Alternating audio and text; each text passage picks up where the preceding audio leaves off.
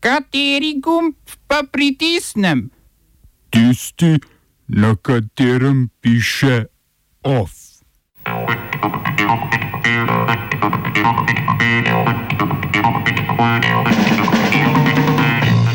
Indijsko ustavno sodišče bo prisluhnilo pritožbam kmetovalcev nad novimi zakoni. Pentagon kljub zakonski prepovedi umika vojake iz Afganistana. Evropska komisija nadomestilo STA se lahko dodeli brez predhodne odobritve.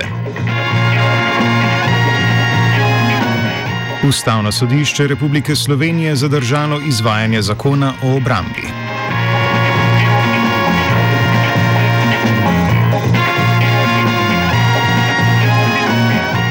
Pozdravljeni. Malezijski kralj Tengu Abdullah je razglasil vse državno izredno stanje zaradi prevelikega števila obolelih za boleznjo COVID-19. S to potezo je ukrepil delovanje premijeja Muhidina Jasina in preprečil predčasne volitve. Jasin je lani marca po odstopu takratnega premijeja Mahatira Mohamada sestavil vlado brez uradnih volitev. Razglasitev izrednih razmer pa mu omogoča sprejemanje zakonov brez odobritve parlamenta. V zadnjih tednih je bil Jasin deležen kritik glede ravnanja njegove uprave v času epidemije. Poslanci v vladajoči koaliciji so že zahtevali predčasne volitve, vodja opozicije Anwar Ibrahim pa naj bi imel dovolj podpore za oblikovanje nove vlade. Izredno stanje lahko traja vse do 1. avgusta.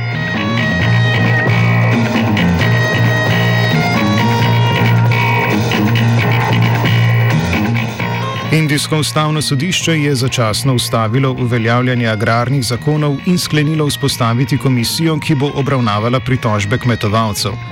V Indiji namreč že od avgusta lani potekajo kmečki protesti. Vlada Narendra Modija zatrjuje, da želi le modernizirati in liberalizirati zakonodajo. S sprejetjem treh zakonov želi sprostiti regulacijo kmetijskih trgov, onemogočiti zadrževanje velikih zalog hrane v skladiščih in dodeliti vse pristojnosti za reševanje ekonomskih sporov sodiščem v prestolnicah posameznih zvezdnih držav. Kmetje se bojijo, da bodo spremembe vplivali na dodatno znižanje že tako nizke minimalne odkupne cene žitaric ter otežile dostop do sodnih sredstev v primeru sporov. To bi privedlo do finančne stiske kmetov in lažjega odkupovanja kmetijskih površin za korporacije.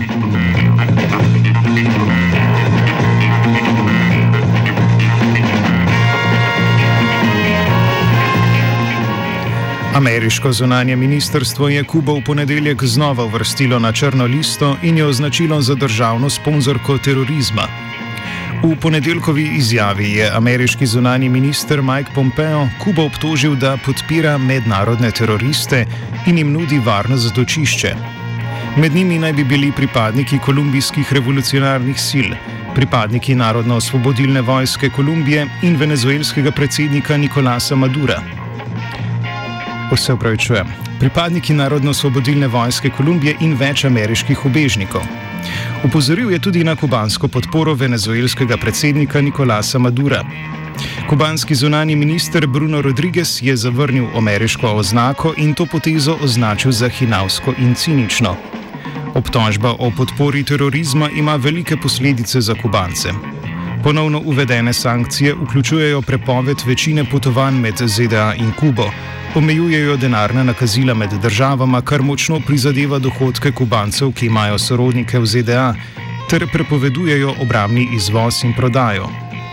Kubo je leta 2015, ko se je začela normalizacija odnosov med državama, seznama umaknil takratni predsednik Barack Obama.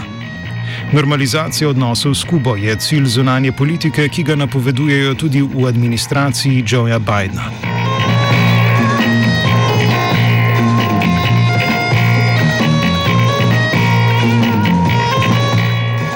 Ameriška vojska ni ustavila umika svojih čet iz Afganistana, kljub nasprotovanju kongresa. Pentagon je novembra dejal, da bo do sredine januarja zmanjšal število ameriških čet v Afganistanu z 4500 na 2500 vojakov.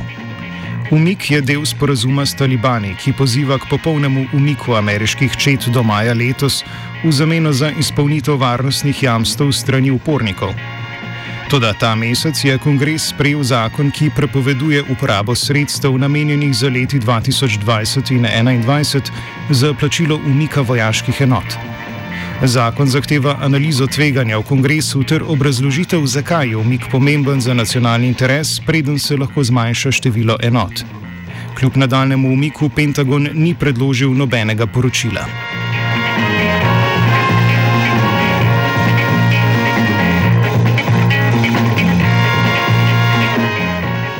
Nemška policija je na severu Nemčije v mestecu Oldenburg med vikendom aretirala 34-letnika iz Avstralije, ki naj bi bil operater največje nezakonite spletne tržnice na temnem, temnem spletu, znane pod imenom Dark Market.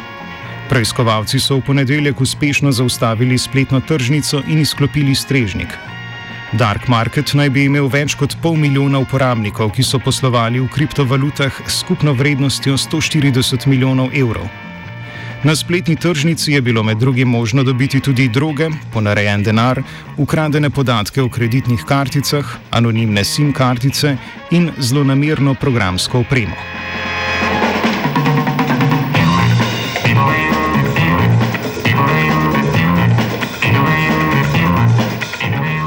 Turško sodišče je v ponedeljek pridigarja in avtorja Adnana Oktarja obsodilo na več kot tisoč let zapora zaradi oblikovanja in vodenja kriminalne združbe, spolnega napada in spolne zlorabe mladoletnikov. Poleg tega pa je bil spoznan za krivega, ker je pomagal skupini Fetulaha Gülena, ki jo Turčija krivi za neuspešni poskus državnega udara leta 2016. Na vprašanja o več kot 60 tisoč kontracepcijskih tabletah, ki jih je policija našla v njegovem domu, je Oktar dejal, da so jih uporabljali za zdravljenje kožnih motenj in menstrualnih nepravilnosti. Kot zelo ploden pisatelj je Oktar napisal več kot 300 knjig, v eni od njih pa se je dokopal tudi do samih temeljev globalnega terorizma.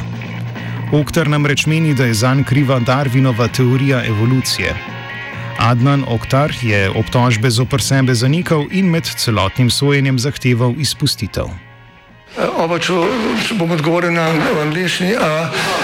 Slovenija bo poskušala pomagati. Slovenija bo naredila naš utmost, da bo rekla, da je situacija naš problem, sami. In bomo naredili nadaljnje korake, as soon as the conditions are. Bomo vlado Marjana Cererera Šarca podprli. Very, very serious. News from Slovenia. We know how and we will.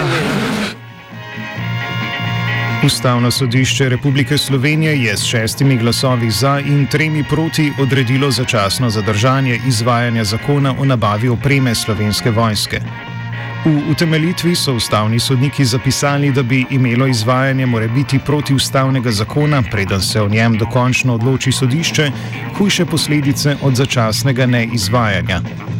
Vladna stran namreč po mnenju večine ustavnih sodnikov ni navedla argumentov, ki bi kazali na nujnost izvajanja zakona. Ustavno sodišče je opozorilo tudi na možnost izigravanja pravice voljivcev do referenduma v danem primeru. Ministrstvo za obrambo, ki je odločitev označilo za nesorazmerno, je zakon že začelo izvajati.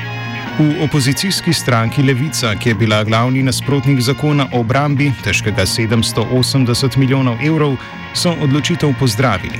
Več v offsajdu ob petih.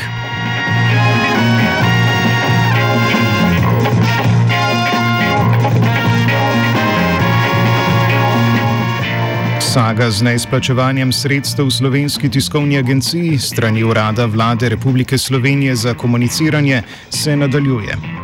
Po poslani prošnji vlade glede odobritve nadomestila strani Evropske komisije, sedaj iz Bruslja prihajajo prvi odzivi.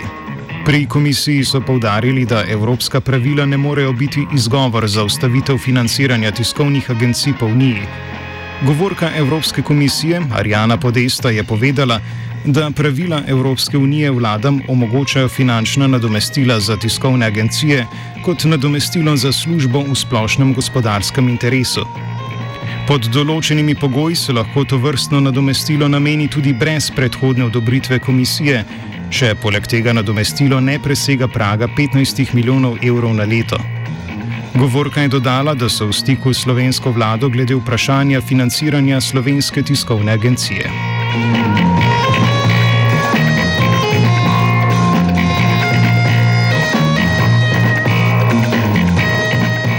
Na stavkovno zahtevo policistov, članov policijskega sindikata Slovenije o dvigu osnovne plače, se je Ministrstvo za notranje zadeve odzvalo z objavitvijo poimenskega seznama policistov, njihovih bruto plač, nazivov in enot.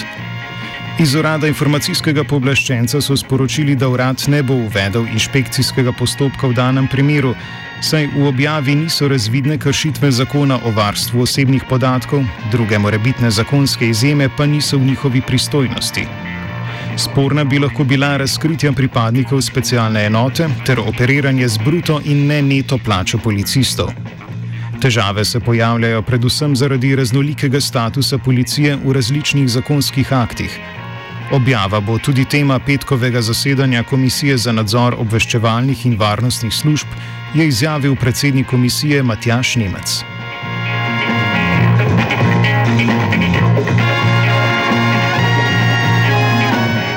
OF so pripravile vajenke Mojca, Selma in Dominik.